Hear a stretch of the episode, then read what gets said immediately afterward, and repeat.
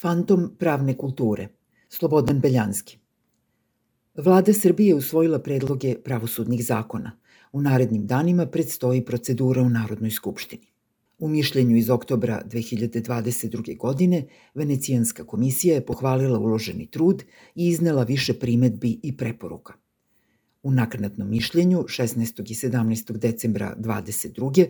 konstatovala je da su u revidiranim tekstovima preporuke delimično uvažene, da sporna mesta, posebno ona koja se odnose na ulogu Ministarstva pravde, na mandate predsednika sudova i na opasnost od političke homogenosti laičke komponente Visokog saveta sudstva, iako formalno nisu u suprotnosti sa evropskim standardima, mogu dovesti do zabune. Izrazila je nadu da će u skupštinskoj raspravi određena rešenja biti unapređena. Jedna napomena, međutim, izaziva posebnu pažnju. I u osnovnom i u naknadnom mišljenju ukazuje se na potrebu da zakonodavnu reformu treba da prati promena pravne kulture. A upravo se u tome, makoliko na prvi pogled delovalo kao uzgredna fraza, saopštena pritom s nepotrebnom obazrivošću, krije suštinska i dalekosežna poruka. O čemu je reč? Šta imamo na umu kada pominjemo pravnu kulturu? Pobornik lapidarnih definicija rekao bi da su posredi nezavisnost, samostalnost i nepristrasnost prilikom primene propisa. Pomenute atribucije same po sebi, iako u demokratskoj državi jesu pretpostavke pravične judikacije, ne bi nas izbavile ni od oskudnog znanja, ni od krutog pravnog pozitivizma – Bez namere da se pozivamo na učenja prirodno-pravnih škola, ne bismo smeli zanemariti opasnost na koju su neki stvaraoci drugim povodom tako revnosno upozoravali, Gombrović, na primer, opasnost da se otupi od opčinjenosti svetom ideja, da nas sistem mehanizacije, a doktrina liši čovečnosti.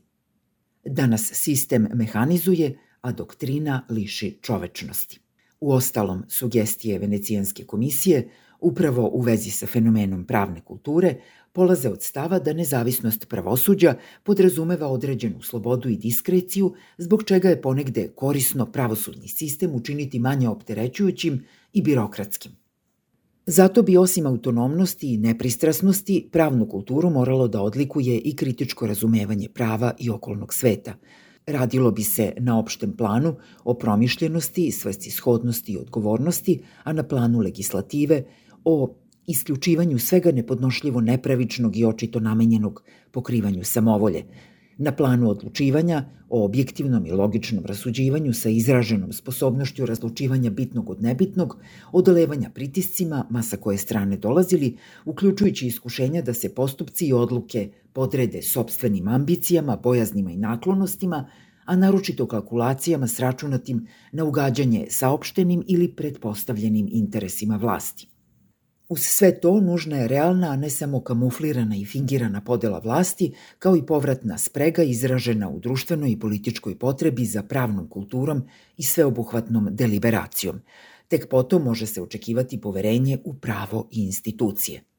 Ali gde to postoji? U punom opsegu nigde. Može se govoriti samo o manjoj ili većoj meri zastupljenosti i manjem ili većem trudu da se dostignuti nivo premaši. Domaća društvena scena, nažalost, od vajkada je naličije takvih vrednosti. Naš je problem potpuna odsutnost pravne kulture i potpuni izostanak autentične težnje vlasti da je dosegne. Šta više, jasna je njena odlučnost da se svaki pokušaj u tom pravcu osujeti. Sve je krcato predrasudama, protežiranju, privilegijama. Onima koji drugačije misle, preostalo je da bez kraja i konca pišu savremenu pohvalu ludosti, a ludosti je na pretek – Zlokobne paradigme postavljene su u postupcima najviših predstavnika vlasti uz pratnju hora sakupljenog od naučnih krugova odanih organskoj kulturi, crkvenih velikodostojnika, desničarske opozicije i njima naklonjenih javnih medija.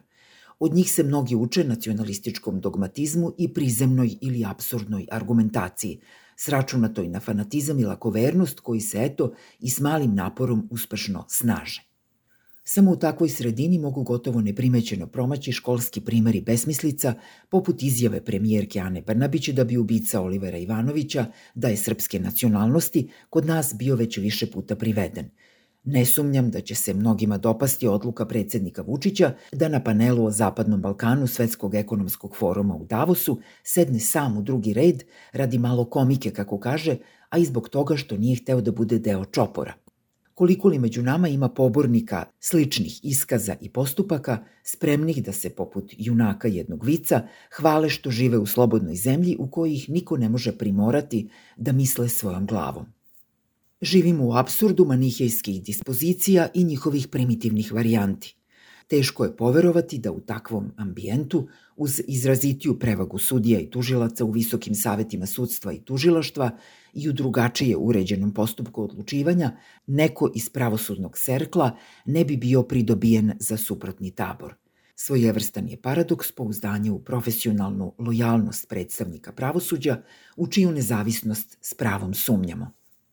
Kršenje ustava, diskriminacija i politička korupcija odavno su se odomaćili. U autoritarnim režimima naprosto nema niti može biti pravne kulture. Otuda je pravna kultura kod nas fantomska pojava bar na dva načina. Jedni je zamišljaju, drugi lažno predstavljaju. I ne treba se zavaravati da će se išta u dogledno doba promeniti. Baš kao što ne sme da se promeni ni nastojanje malobrojnih da do promene dođe.